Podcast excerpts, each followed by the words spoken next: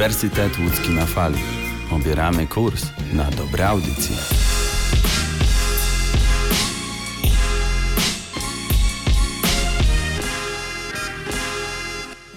Ach, ta dzisiejsza młodzież. Zero kultury. Dziadek, co ty gadasz? My jesteśmy kulturystami. Kulturyści w UE na fali. Halo, halo, dzień dobry, godzina 17. Wiktor Stańczyk. I Damian Zagórski. Witamy się z Państwem, z Wami, naszymi kochanymi słuchaczami. Dzisiaj będziemy kontynuować tematykę piłkarską, ale skupimy się na naszej reprezentacji, ponieważ euro zbliża się wielkimi krokami. W zasadzie, kiedy już tego słuchacie, to euro już trwa, ponieważ to jest drugi dzień. W piątek odbyła się inauguracja, mecz otwarcia pomiędzy Turcją a Włochami. Powiemy sobie głównie o naszej reprezentacji, jaka jest atmosfera, powiemy sobie też o meczach towarzyskich, jakie nasza reprezentacja odgrywała. I cóż, trochę to podsumujemy i podyskutujemy w stylu kulturystów, także zostańcie z nami.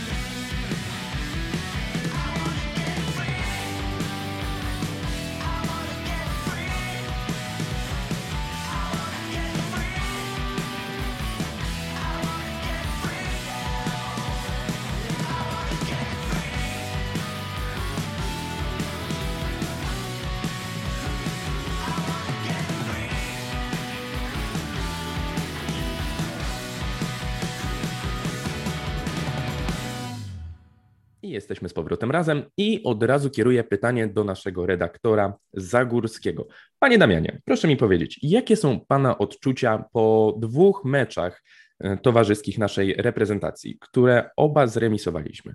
Nie jest to żadne zaskoczenie, chociaż ym, myślę, że mieliśmy jakieś oczekiwania co do tych wyników, ale no tak dla usystematyzowania tej wiedzy, pierwszy mecz rozegraliśmy z Rosją, który skończył się wynikiem 1 do 1, E, natomiast drugi tydzień później e, rozegraliśmy z Islandią, który skończył się 2 do 2.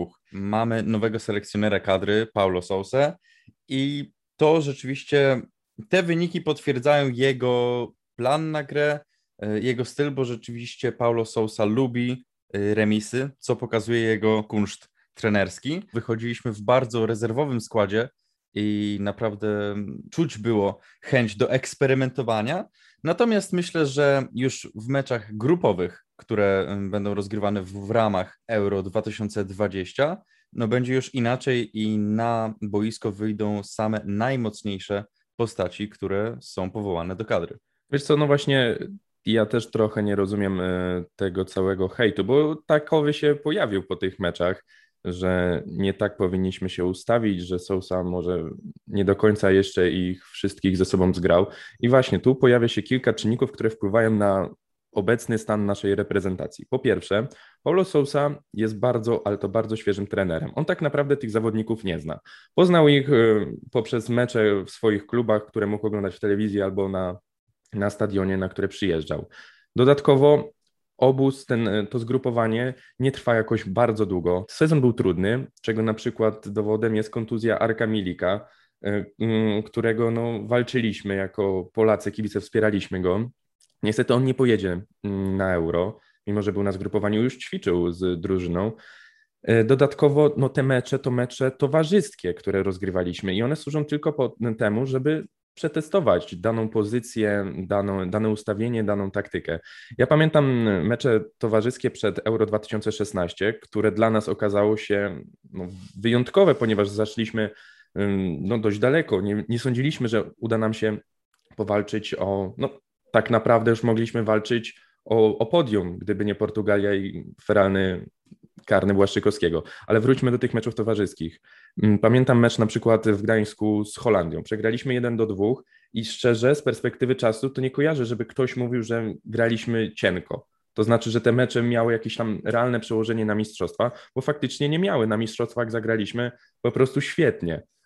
No, mecz z Niemcami super, bo 0-0, z Irlandią wygraliśmy 1-0, chociaż tam też ludzie się jakoś nie podniecali. No i później Ukraina i, i pewny awans. Ale tutaj wiesz co, ja bym jeszcze się wstrzymał w ogóle z opiniowaniem, jeśli chodzi o to, jak możemy wypaść na tych mistrzostwach, bo szczerze, ja sam nie wiem, co Paulo Sousa ma w głowie i co piłkarze mają w głowie. Ale właśnie, słuchaj, a propos piłkarzy, bo rozmawialiśmy sobie trochę przed nagraniem, tak prywatnie, i rozmawialiśmy o materiałach na kanale Łączy Nas Piłka. Tych materiałów takich, powiedzmy to ala za kulis, gdzie piłkarze sobie trenują, siedzą w tej opalenicy i sobie śmieszkują i tak dalej. I nie wiem, czy ty zauważyłeś, ale tam atmosfera, mam wrażenie, że robi się coraz taka ciekawsza, milsza i taka bardzo rodzinna. To prawda, widać to gołym okiem i nawet sam Wojciech Szczęsny przyznał na początku jednego E, z odcinków, że takiej atmosfery nie czuł jeszcze w ogóle w swojej karierze, a e, no Wojciech Szczęsny jest naszym numerem jeden. Był nim często, tak? I na każdym zgrupowaniu był obecny, no bo to nie jest przypadkowa postać, tylko raczej główna siła, na którą liczymy e, między słupkami. I całe te materiały pokazują to, że naprawdę zapowiada się wspaniała przygoda. Widać to, że zawodnicy dzielą się energią i może właśnie to odblokowało ich, y, zmiana selekcjonera może odblokowała ich, bo za czasów mm, Brzęczka jeszcze pod koniec, to wiesz, pamiętne 9 sekund milczenia Roberta Lewandowskiego, mm, te niezadowolone twarze, no bo wyników nie było, więc nie było się z czego cieszyć, a tu rzeczywiście zawodnicy ożyli i ten powiew świeżej krwi daje się odczuć. Także bardzo dobrze. Wiesz co, no ja pamiętam mm, zgrupowanie przed y, Euro we Francji i ja tam naprawdę czekałem po prostu jak na nowy sezon serialu na Netflixie, żeby y, wypuścili nowy materiał właśnie na kanał Łączy Nas Piłka. Wtedy jeszcze Wiśnia to prowadził. Y, także to miało naprawdę super, super taki klimat rodzinny. No i tutaj trzeba też przyznać mm, na tym zgrupowaniu, że cały sztab odpowiedzialny za reprezentację potrafił ich fajnie jakoś tak zintegrować, ponieważ niektórzy piłkarze nie znali się jakoś bardzo dobrze osobiście. Wiadomo, jest stara gwardia typu, nie wiem, Lewandowski, Glik i Szczęsny, ale są też młodzi piłkarze, takich jak Puchacz, Jóźwiak, Moder, którzy na kadrze oczywiście już występowali, chociaż Puchacz był debiutantem akurat w tym, w tym zestawieniu, ale widać między nimi jakąś taką więź i to jest fajne, bo na przykład y, mieli spotkanie ze swoimi rodzinami, to znaczy do piłkarzy mogły dojechać ich partnerki, żony wraz z dziećmi, y, mieli jakieś tam konkursy, gry, słynny koncert Golec Orkiestra, także moim zdaniem jest fajnie, jest rodzinnie i nie wiem, może to faktycznie to takie zachodnie podejście naszego szkoleniowca, zachodnio-południowe y, naszego portugalskiego szkoleniowca daje taki, taki efekt, że jest po prostu, no powiedzmy sobie szczerze, milusio. Jest milusio. Bardzo ważnym aspektem jest właśnie to zatarcie granic między zawodnikami, no bo na pewno wielkim przeżyciem jest dla debiutanta w reprezentacji wejść do drużyny, gdzie y, nagle musi porozumieć się z Lewandowskim i z innymi wyjadaczami, z innymi gigantami polskiej piłki. Y, I to jest świetne, żeby stworzyć każdemu warunki, do tego, żeby czuł się jak naprawdę w rodzinie. Bo mam wrażenie, że zgrupowania i w ogóle powołanie reprezentacji mm, to jest takie coś, taka wycieczka szkolna, tylko wiesz, niektórzy się znają bardziej, niektórzy mniej, ale sztuką jest to, żeby powstrzymać coś takiego, żeby kontakt jednego zawodnika z drugim był lepszy, ale już z tym trzecim zawodnikiem raczej się nie dogadamy. Myślę, że to jest takie podanie ręki. Cześć, witam w rodzinie. Teraz jesteśmy tutaj jednością i, i będziemy walczyć. E, no, będziemy grać do tej samej bramki. Także naprawdę bardzo dobrze to widzieć i szczerze muszę pochwalić te materiały na Łączy Nas Piłka, bo nie dosyć, że to jest też na pewno wielkie przeżycie i pamiątka dla piłkarzy, ale to jeszcze bardziej motywuje do kibicowania i tak hypuje kibiców, że ta, ten balonik rośnie, rośnie, rośnie, no i nie możemy się doczekać jutrzejszego meczu, w którym zadebiutujemy. I w tym miejscu stawiamy kropkę i po krótkiej przerwie wrócimy dalej z piłkarskimi nowinkami, ciekawostkami i informacjami.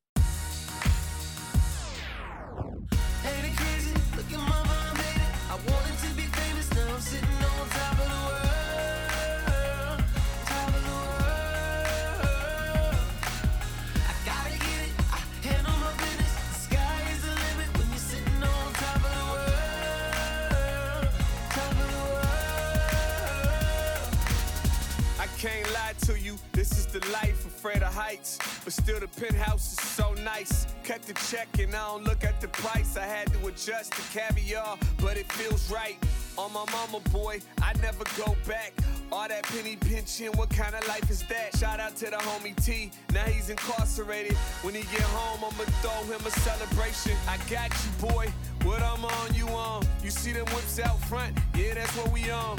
Get a drink, homie, you already know I'm buying. Party all night, making up for lost timing. They told me dreams come true, but they was lying. You gotta make it happen, a hustler state of mind. And I guess they ain't believe that I pop. Now if you tryna find me, look up, I be on top. Ain't it crazy? Look at my mind, it. I wanted to be famous, now I'm sitting on top of the world.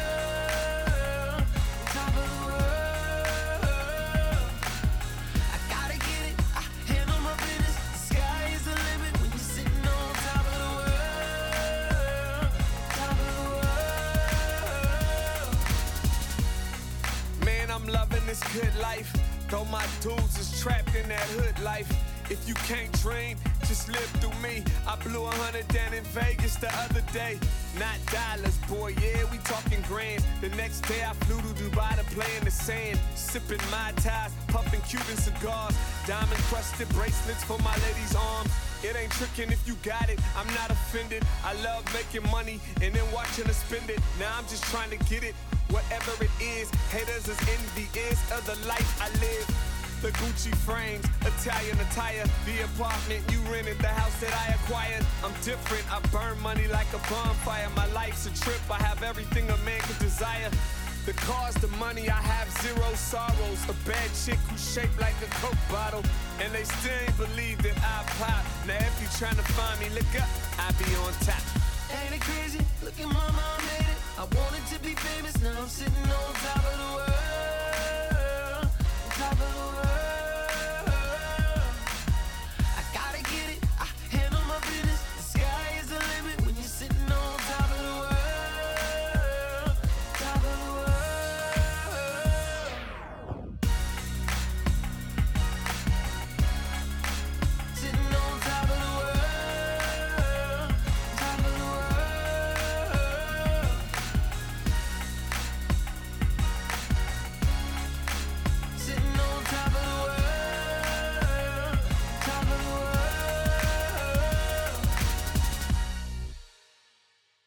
Przerwa, przerwa i po przerwie.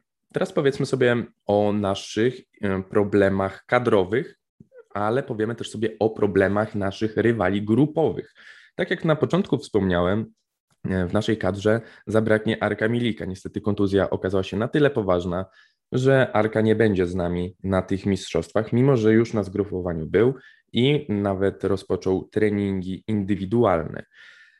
Niestety kontuzja go wykluczyła, ale nie możemy zapomnieć, że Hiszpania też ma swoje problemy. Na przykład Busquets okazał się, że jest zakażony koronawirusem, wprowadzono kwarantannę w hotelu i na mecz z Litwą Hiszpania wyszła niekoniecznie w najmocniejszym składzie. Także nie tylko nasza reprezentacja ma swoje problemy. Nasi kolejni rywale grupowi, czyli Szwecja, też ma swoje problemy i o nich też wspominaliśmy w poprzednich kulturystach. Nie mają największej gwiazdy, czyli Zlatana Ibrahimowicza, który no, robiłby na pewno ogromną różnicę, jeśli byłby w swojej najwyższej formie i nasi obrońcy mieliby duży problem, ponieważ Zlatan nie dość, że jest no, dużym zawodnikiem, bardzo rosłym, ponad 1,90 m, potrafi wysoko przyjąć piłkę i potrafi też silnie uderzyć tę piłkę, czasami nawet z pierwszego kontaktu. Także tutaj trochę lepiej to dla nas wygląda. Tylko, że niestety my też mamy osłabiony atak w tym momencie, mimo że mamy najlepszego napastnika na świecie, który jest no, w, szczytowej, w szczytowej formie. Ale no niestety, takie są realia obecnej gry, gdzie mecze są czasami co 3-4 mecze i ta intensywność potrafi wykończyć, w cudzysłowie oczywiście, nawet najlepszych.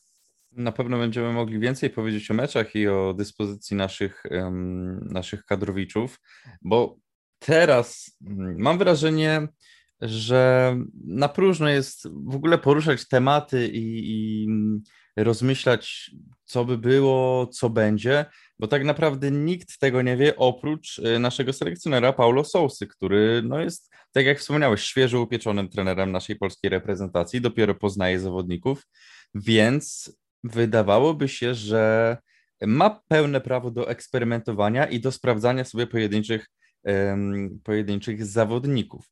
I teraz przytoczę mm, słowa wieloletniego trenera reprezentacji młodzieżowych Michała Globisza, który mm, powiedział, że przed Euro 2020 jest pełen obaw. e, I te obawy charakteryzują się tym, znaczy wynikają z tego, że Paulo Sousa według niego za dużo eksperymentuje. Zastanawiam się, jakie masz zdanie co do tych słów i czy, czy warto jest teraz karcić i obwiniać Paulo Sousę, że eksperymentuje w meczach towarzyskich? Czy wiesz, twoim zdaniem mecze towarzyskie to powinny być już jakby taka próba generalna przed mm, spektaklem, w której powinniśmy wyłożyć na stół takie najmocniejsze narzędzia e, i pokazać już e, taktykę światu. Nie wiem, czy to by było dobre, bo wtedy byśmy się jakby wygadali, byśmy pokazali, co szykujemy i nikt nie byłby zaskoczony w pierwszych meczach Euro 2020.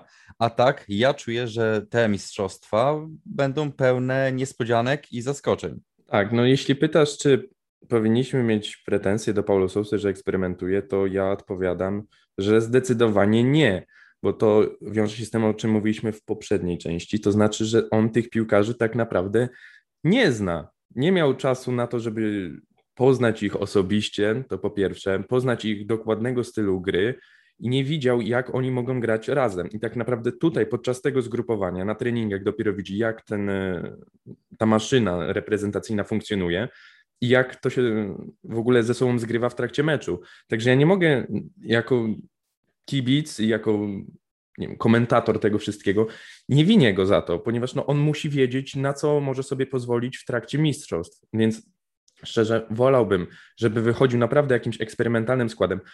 Może faktycznie czasami to aż troszeczkę nad wyrost było, no bo na przykład mecz z Rosją to wyszliśmy składem, który już nigdy się nie pojawi i tego jestem święcie przekonany, ale jako sam eksperyment i próbowanie różnych ustawień, to oczywiście to jest dla mnie zupełnie normalne, żeby na mistrzostwach wystawić jak najbardziej optymalny skład, który będzie potrafił zawalczyć i ze Szwecją, i z Hiszpanią, bo to są dwaj najmocniejsi rywale w naszej grupie. I jeśli to miałoby pomóc naszej reprezentacji, żeby oni lepiej się poznali, zrozumieli styl każdego z nich osobiście, bo każdy też trochę gra inaczej. To nie jest tak, że w reprezentacji każdy jest taki sam i idealnie się zgrywają, no bo to nie jest klub, że są ze sobą codziennie.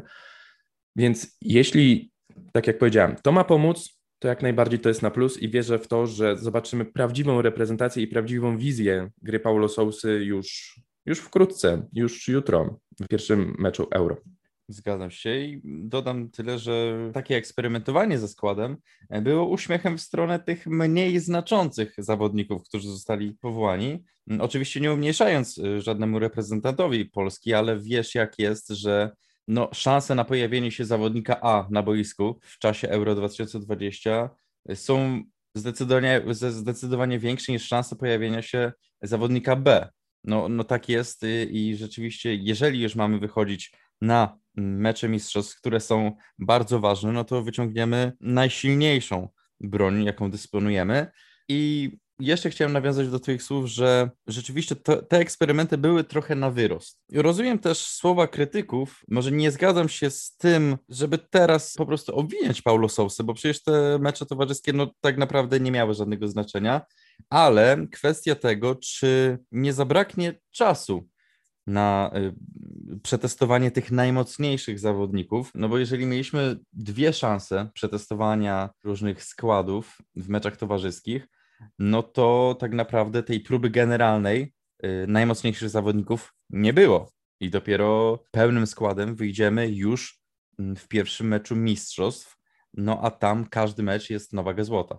To też prawda. I z jednej strony możemy mówić, że ci najlepsi w naszej reprezentacji nie potrzebują się zgrywać, no bo najlepsi zawsze byli w tej reprezentacji i oni będą wiedzieli, co robić. Ale z drugiej strony, też jak mówiliśmy, jest kilku młodych zawodników, ale też utalentowanych, którzy na pewno wyjdą w pierwszym składzie. Ja sobie na przykład osobiście nie wyobrażam, żeby Jóźwiak nie zagrał w pierwszym meczu, bo zawsze wchodził z ławki i zawsze robił różnicę na boisku. Jeśli teraz miałby go zabraknąć, no to ja bym był w ciężkim szoku, naprawdę.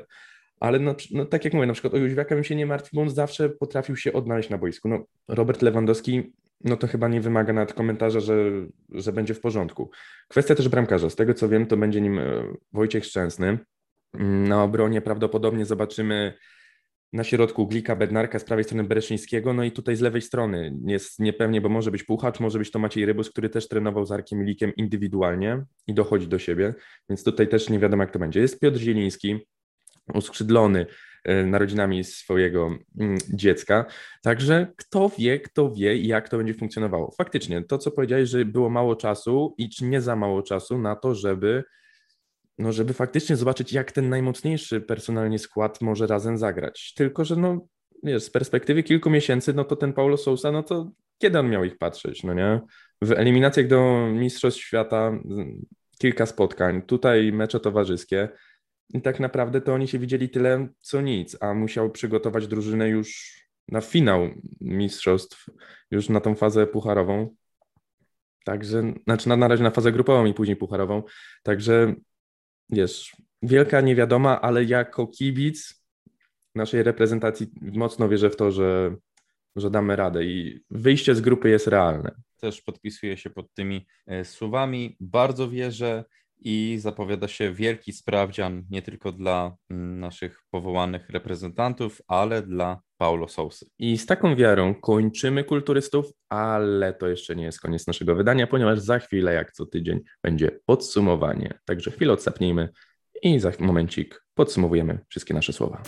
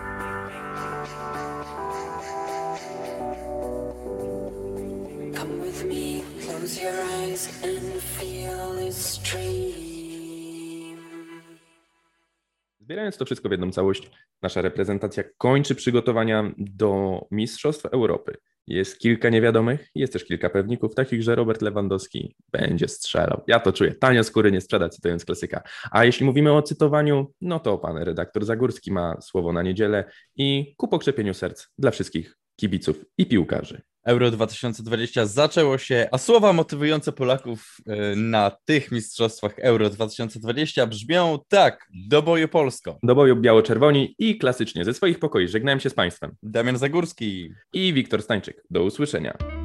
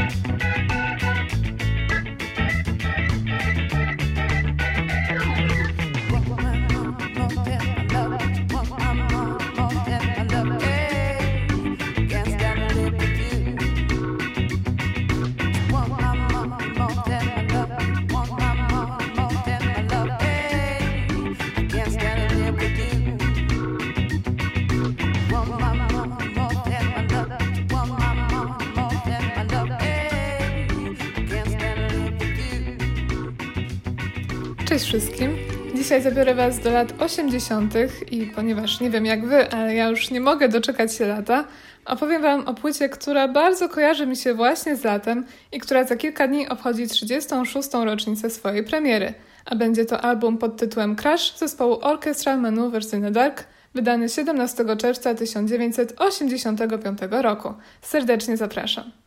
Orchestral Manoeuvres in the Dark, w skrócie OMD, to jeden z najsłynniejszych zespołów z gatunku synthpop. Odegrał ogromną rolę w jego kreowaniu na przełomie lat 70. i 80., a za sprawą ewolucji własnego brzmienia dyktował trendy nastające kolejno w muzyce popularnej. Panowie udowodnili, że da się osiągnąć komercyjny sukces, tworząc materiał ambitny i wysoce artystyczny, będąc zawsze bardziej intelektualnym od konkurencji. W tekstach podejmowali niekonwencjonalne tematy i przekazywali silny ładunek emocjonalny, zaś w muzyce wykorzystywali nietypowe rozwiązania, takie jak zastąpienie refrenu linią melodyczną zagraną na nieodłącznym syntezatorze. Połączyli surową, minimalistyczną elektronikę z romantyczną wrażliwością i popową przebojowością, co dziennikarze z internetowego katalogu AllMusic określili jako godną pozazdroszczenia pozycję bycia naraz kreatywnymi innowatorami i przyjaznymi dla radia gigantami popu. OMD nigdy nie kreowali się na gwiazdy, unikali też wyrafinowanych, rzucających się w oczy stylizacji, jakimi zasunęli na przykład członkowie The Human League czy Depeche Mode, przez co ich wizerunek był niezwykle autentyczny i nie przyćmiewał najważniejszego, czyli muzyki. Ubierali i zachowywali się grzecznie, tak zwyczajnie, z rozbrajającą naiwnością i ciepłem. W swej twórczości muzycy inspirowali się przede wszystkim gigantami elektroniki, takimi jak Kraftwerk. Byli też pod silnym wpływem artystów art popu, jak choćby David Bowie czy Roxy Music. Sami stali się wzorem dla konkurencji i młodszych pokoleń artystów z nurtu synthpop i new wave. Vince Clark, uznany producent i założyciel zespołów Yazoo i Erasure, twierdzi, że zawdzięcza swoją karierę właśnie OMD. Na wpływach naszych dzisiejszych bohaterów swoją twórczość oparli także New Order, Tears for Fears, Pet Shop Boys, Frankie Goes to Hollywood, Alphaville, Thompson Twins, Howard Jones czy Gary Newman. Późniejszych latach hołd OMD we własnej muzyce złożyli Mark Ronson, LCD Sound System, No Doubt, Moby, The Charlatans, Deftones czy Hot Chip. Również artyści rockowi, choć muzycznie nie jest im po drodze z naszymi dzisiejszymi bohaterami, inspirują się nimi na różne sposoby, na przykład naśladując ruchy sceniczne. Postąpili tak członkowie ZZ Top, którzy na scenie poruszają się niczym Andy McCluskey, odtwarzając jego dziwaczne, szalone ruchy nazwane Trainee Teacher Dance. Crash, o którym już za chwilę usłyszycie więcej, to szósty album w dyskografii Orchestral Manoeuvres in the Dark. Nie wolno mi pominąć informacji o tym, co działo się wcześniej w historii zespołu. W tym celu najpierw cofniemy się aż do lat 60. Miejscem akcji zaś będzie Mios, niewielkie pięciotysięczne miasteczko w hrabstwie Merseyside, położone niedaleko Liverpoolu. Mios ma swój trwały ślad w twórczości OMD, czego najlepszym przykładem jest utwór Red Frame White Light z debiutanckiego albumu. Jego tekst nawiązuje do budki telefonicznej stojącej na skrzyżowaniu ulic Birkenhead i Greenwood. Członkowie zespołu często spotykali się w pobliskim pubie Railway Inn i korzystali ze słynnej budki, aby umawiać się na koncerty i próby. W tekście występuje nawet numer jej telefonu.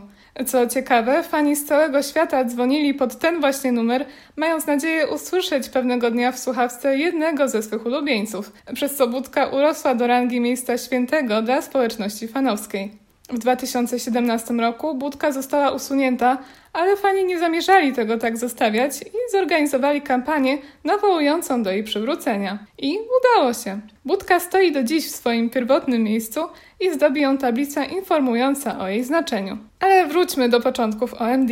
Założyciele Andy McCluskey i Paul Humphries poznali się w szkole podstawowej w Mios. Na przełomie lat 60. i 70. jako nastolatkowie należeli do szerokiej gamy zespołów, z których żaden nie przetrwał zbyt długo. Jednym z nich, o którym warto wspomnieć w tym miejscu, był Equinox, który tworzył McCluskey jako wokalista i basista obok kolegi Malcolma Holmesa, grającego na perkusji. Duetowi udało się zagrać kilka koncertów, podczas których sporadycznie udzielał im pomocy Humphries. Były to pierwsze próby połączenia sił przyszłych członków OMD. W tym czasie Andy i Paul zauważyli, jak wiele ich łączy. Zarówno antypatia wobec ciężkiego rocka i klasycznego gitarowego grania, popularnego wówczas wśród ich rówieśników, jak i wielka sympatia do elektroniki, a zwłaszcza Kraftwerk. Obaj panowie wzorowali swoje pierwsze kroki w branży muzycznej na tym legendarnym niemieckim zespole i podobnie jak oni, sami budowali przedziwne urządzenia do rejestrowania dźwięków. Udana współpraca opierała się nie tylko na podobieństwach, ale też różnicach. Jak sami przyznają po latach, napędzał ich kontrast osobowości, cytując Andy to rzeźnik, a Paul chirurg. Profesjonalnie nazwali się VCL-11 od tajemniczego diagramu zdobiącego okładkę płyty Radioactivity Kraftwerk i był to ich projekt poboczny, jednak jak się później okaże, niezwykle przydatny w kształtowaniu brzmienia OMD. Natomiast jednoczesna działalność w siedmioosobowym zespole DID razem z m.in. Malcolmem i ówczesną dziewczyną Andiego, wokalistką Julią Neal, zaowocuje zdobyciem doświadczenia w promocji i występach przed publicznością. Grupa The ID również wkrótce się rozpadła z powodu różnic artystycznych, o które raczej nie trudno w siedmioosobowym składzie, lecz wcześniej zdążyła nagrać razem epkę z trzema utworami. Wśród nich znalazła się kompozycja Electricity. McCluskey i Humphreys, jako jej autorzy, zatrzymali ją sobie, do czego jak najbardziej mieli prawo, i już jako duet wykonywali na żywo, ku czemu mieli coraz więcej okazji, stali się bowiem częstymi gośćmi klubu Eric's Club w Liverpoolu jako support m.in. Joy Division i Garego Newmana. Co ciekawe, w 1993 roku role się odwróciły i to Gary Newman wyruszył w trasę z OMD jako ich support.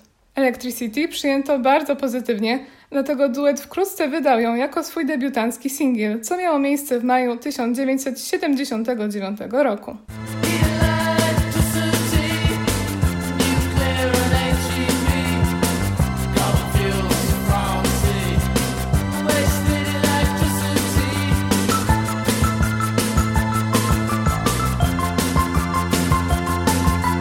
Piosenka stała się hitem dyskotek i stałym punktem programów w wieczornych audycjach radiowych słynnego dziennikarza Johna Pila. I do dziś jest uważana za jeden z najbardziej wpływowych utworów swojej ery, podkreślając jej rolę w kształtowaniu się nowego gatunku synth-popu. Na wzór tekstów Kraftwerk, przede wszystkim Radioactivity, Electricity odnosi się do marnotrawstwa zasobów energetycznych przez społeczeństwo. Reprezentuje również charakterystyczny dla duetu chwyt polegający na zastąpieniu słów w refrenie melodyjną przerwą na syntezator. McCluskey i Humphreys poznawali kolejnych ludzi z branży, którzy na dzień dobry pytali, jak wy właściwie się nazywacie. I to był problem.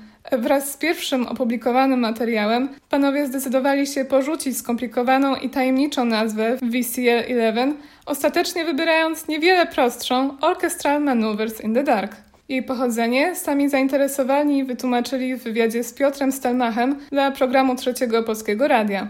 Po prostu napisali piosenkę o takim tytule z wsamplowanymi odgłosami wojny i dźwiękami orkiestrowymi. Jej tekst widniał na takiej ściance inspiracji, którą sobie urządzili w sali prób i ciągle na nią spoglądając uznali, że będzie to dobra nazwa, świadcząca o tym, że są inni. I taka jest prawda. Electricity wraz z dziewięcioma innymi kawałkami trafiło na debiutancki album nazwany po prostu Orchestral Maneuvers in the Dark, który ukazał się w lutym 1980 roku. Pochodzą z niego jeszcze dwa single Messages i Red Frame White Light. Dzięki nim duet dał się poznać jako odważnie eksperymentujący ze stylami, co podkreśla pewna anegdota – Podczas spotkania z przedstawicielami swojej wytwórni Virgin Records, Andy i Paul zostali zapytani, czy w końcu bliżej im do twórczości Stockhausena, dwudziestowiecznego kompozytora, czy do Abby. Ponoć odpowiedzieli, dlaczego nie do obu naraz. W podobnym klimacie jest utrzymany krążek Organization, który ujrzał światło dzienne jeszcze w tym samym roku. Tytuł zawdzięcza nazwie pierwszego zespołu, do którego należeli Ralph Hutter i Florian Schneider, członkowie Kraftwerk. Znalazł się na nim najbardziej rozpoznawalny przebój OMD, przynajmniej w Polsce, czyli Inola Gay, notowany m.in. na ósmym miejscu zestawienia w Wielkiej Brytanii, a na pierwszym we Włoszech i w Hiszpanii, co stanowiło ich największy dotychczasowy sukces komercyjny.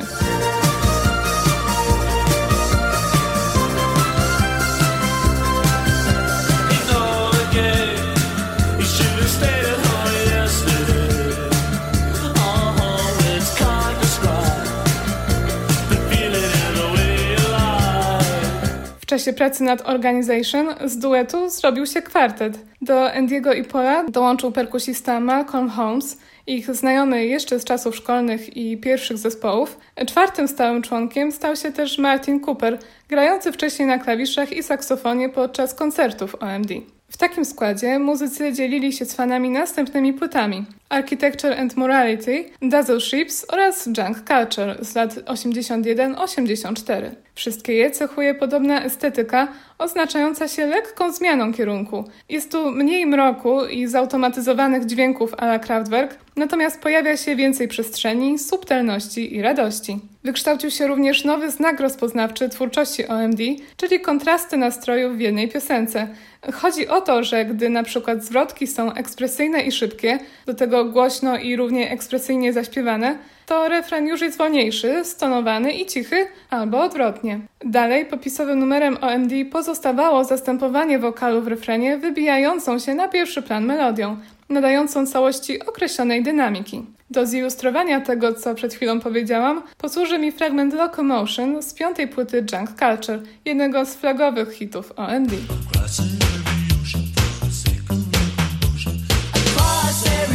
Ocean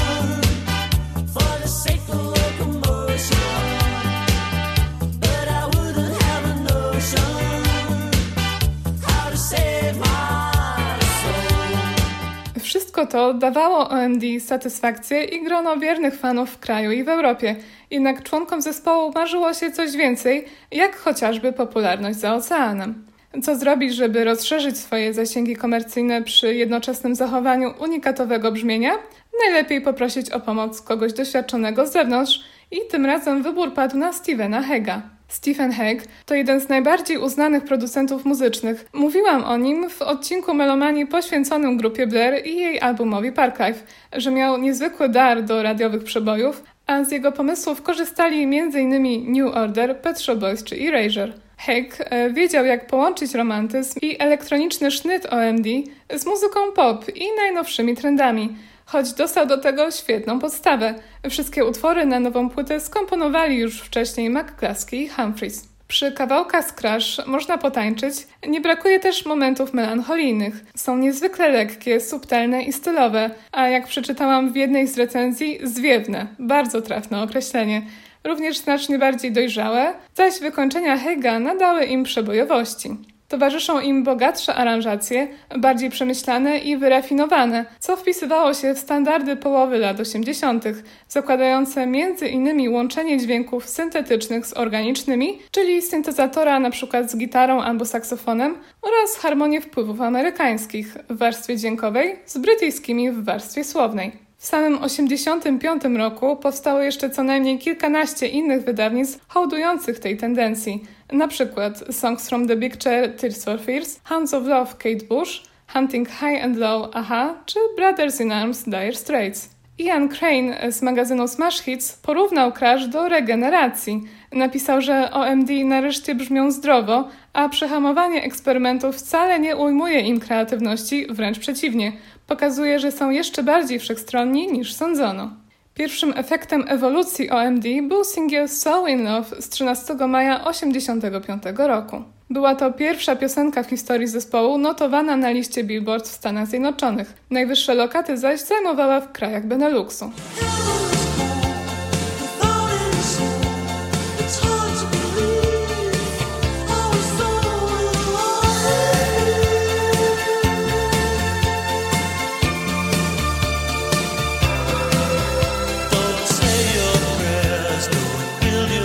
Geniusz tkwi w tym, że łączy przeszłość OMD z nową stylistyką. Jest intelektualna i jednocześnie, mówiąc kolokwialnie, wpada w ucho. Choć jako pierwsza promowała Crash, została napisana jako jedna z ostatnich. Co ciekawe, jej los nie był pewny, ponieważ jedynym członkiem formacji, któremu od początku się podobała i który nalegał na jej nagranie, był Martin Cooper.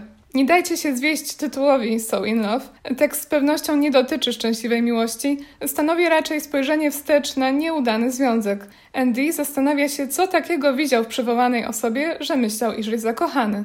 Mimo elektronicznej surowości, OMD mają dar do wyrażania bardzo ludzkich uczuć w sposób niesamowicie osobisty i intrygujący. Teledysk nagrany w hiszpańskiej Almerii i na pustyni Tabernas oraz okładka singla nawiązują do symboliki meksykańskiego Dnia Zmarłych, celebrowanego w formie wesołej, kolorowej zabawy. Miesiąc później, dokładnie 17 czerwca, do sprzedaży trafiła gotowa płyta Crash. Dotarła na 13 miejsce listy UK Album Chart. Jej okładkę zdobi obraz brytyjskiego artysty Paula Slatera, wykonany na specjalne zamówienie. Graficzka Cass Hildebrand, odpowiedzialna za oprawę wizualną materiału OMD, podpowiedziała Staterowi motyw samochodu i siedzącej w nim pary.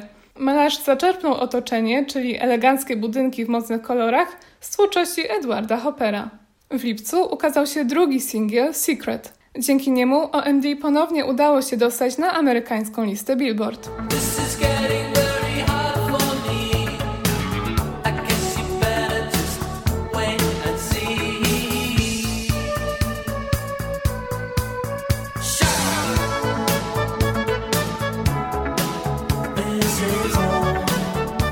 Jeden z niewielu przykładów przejęcia funkcji głównego wokalisty przez Paula. Wcześniej miało to miejsce choćby w przypadku piosenki Souvenir, choć z tego co udało mi się zaobserwować, jeżeli ktoś ma niewiele styczności z OND, zdarza się, że nie słyszy różnicy. No i rzeczywiście, głosy obu panów mogą wydać się podobne w niektórych momentach. Utwór jest melodyjny, łagodny i brzmi, powiedziałabym, słodko. Słodki jest też tekst, w którym Humphreys wyznaje miłość swojej ukochanej. Teledysk, wyreżyserowany przez Andiego Morahana, współpracującego z całą masą synth-popowych zespołów, zarejestrowano na malowniczej plaży w Walton-on-the-Naze w hrabstwie Essex. Główną bohaterką jest dziewczyna, która porzuca obecnego partnera Andiego, by powrócić do swojej prawdziwej miłości, w tej roli Paul. Secret można usłyszeć w drugiej części komedii Arthur z 1988 roku z Lizą Minnelli i Dudleyem Moorem. Trzeci singiel z Crash pod tytułem La Femme Accident wydano w październiku.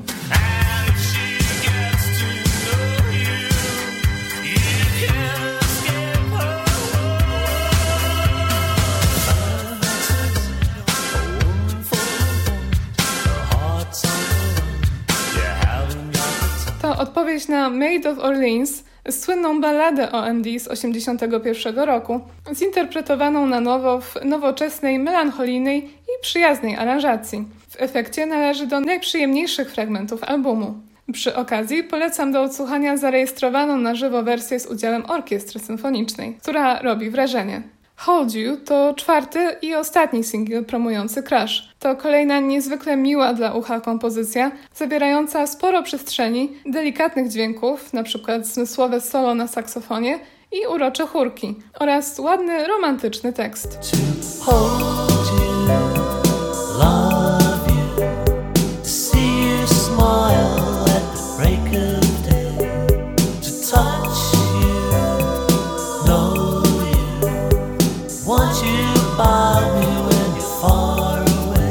Bardzo pasuje towarzyszący jej teledysk, podobnie jak do Soul in Love nagrany w Hiszpanii. Jeszcze w 1985 roku sukces Crash zaowocował ważnym wydarzeniem. OMD zostali poproszeni o stworzenie piosenki do filmu Pretty in Pink, polski tytuł Dziewczyna w różowej sukience, w reżyserii Howarda Deutscha. To amerykańska komedia romantyczna opowiadająca o historii miłości dwójki nastolatków wywodzących się z różnych warstw społecznych. Choć sam film, mimo że ogląda się go przyjemnie, raczej trudno nazwać arcydziełem kina, to jego ścieżka dźwiękowa zasługuje na osobny odcinek. Zawiera bowiem kawałki autorstwa New Order, The Smiths, Echo and the Bunnymen, In Excess czy Susan Wegi, dzięki czemu widnieje na liście 25 najlepszych soundtracków w historii opracowanej przez dziennikarzy magazynu Rolling Stone. OMD nagrali piosenkę pod tytułem If You Leave, którą zrealizowali jako singiel w kwietniu 1986 roku.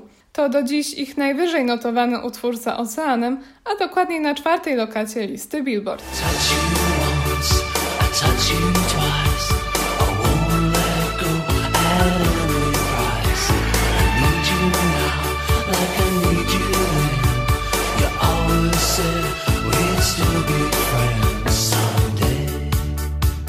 Towarzyszy aktorom w finałowej scenie filmu, a jego fragmenty znalazły się w teledysku, w którym w odwołaniu do tytułowej różowej sukienki dominuje różowe światło. Tekst napisano z perspektywy bohaterów. Właśnie kończą liceum i bawią się na balu maturalnym, co wiąże się z ekscytacją przyszłością, ale także obawą o to, co dalej z nawiązanymi przyjaźniami i miłościami.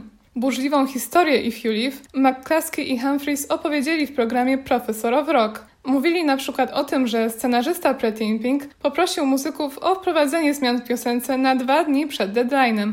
W rezultacie ostateczną wersję przearanżowano i nagrano w ciągu mniej niż doby przed terminem jej dostarczenia. Nie bez powodu poświęcam If You Live tyle uwagi, ponieważ spokojnie mogłaby zostać umieszczona na płycie Crash. Zawiera najważniejsze elementy stylistyczne albumu i większości materiału OMD z tego okresu. Genialną przebojowość, lekkość, kontrast zwrotek z refrenem i elektroniczną głębię. Kawałek uczynił z OMD międzynarodowe gwiazdy. Sami członkowie, wspominając reakcję publiczności na If You Live, śmieją się, że pasowało im pozostawanie w cieniu i status raczej alternatywnego zespołu, zaś wtedy nagle musieli zmierzyć się z ogromną popularnością i wynikającymi z niej obowiązkami, na co trudno było im się przestawić. W kolejnych latach ukazał się album The Pacific Age i składanka największych przebojów, a w 1989 roku zespół rozpadł się z powodu odmiennych pomysłów na jego dalszy rozwój. Pod szyldem OMD pozostał sam Andy McCluskey, który nadal tworzył aktywnie. W latach 91-96 nagrał trzy dobrze przyjęte solowe płyty – Sugar Tax z hitami Sailing on the Seven Seas i Pandora's Box, a także Liberator i Universal – wyraźnie bardziej taneczne od poprzednich. W 2006 roku klasyczny czteroosobowy skład ponownie połączył swoje siły i taki stan rzeczy trwa do dziś. Swój ostatni dotychczasowy krążek, The Punishment of Luxury, OMD wydali w 2017 roku. Tymczasem ja już powoli kończę, ponieważ potrzymałam Was dzisiaj trochę dłużej, ale to dlatego, że jak mogliście się zorientować, muzyka Orchestral Maneuvers in the Dark jest mi bardzo bliska, więc tym bardziej ją Wam polecam. Zachęcam Was też do zgłębiania tematu. W tym celu warto na przykład obejrzeć sobie cały odcinek programu Profesor Rock poświęcony OMD i ich utworowi If You Live. Bardzo ciekawy wywiad. Posłuchajcie sobie Crash, bo to płyta idealna na lato, więc teraz przyjemność z jej słuchania będzie jeszcze większa. Oczywiście zapraszam Was też na kolejną melomanię. Do usłyszenia.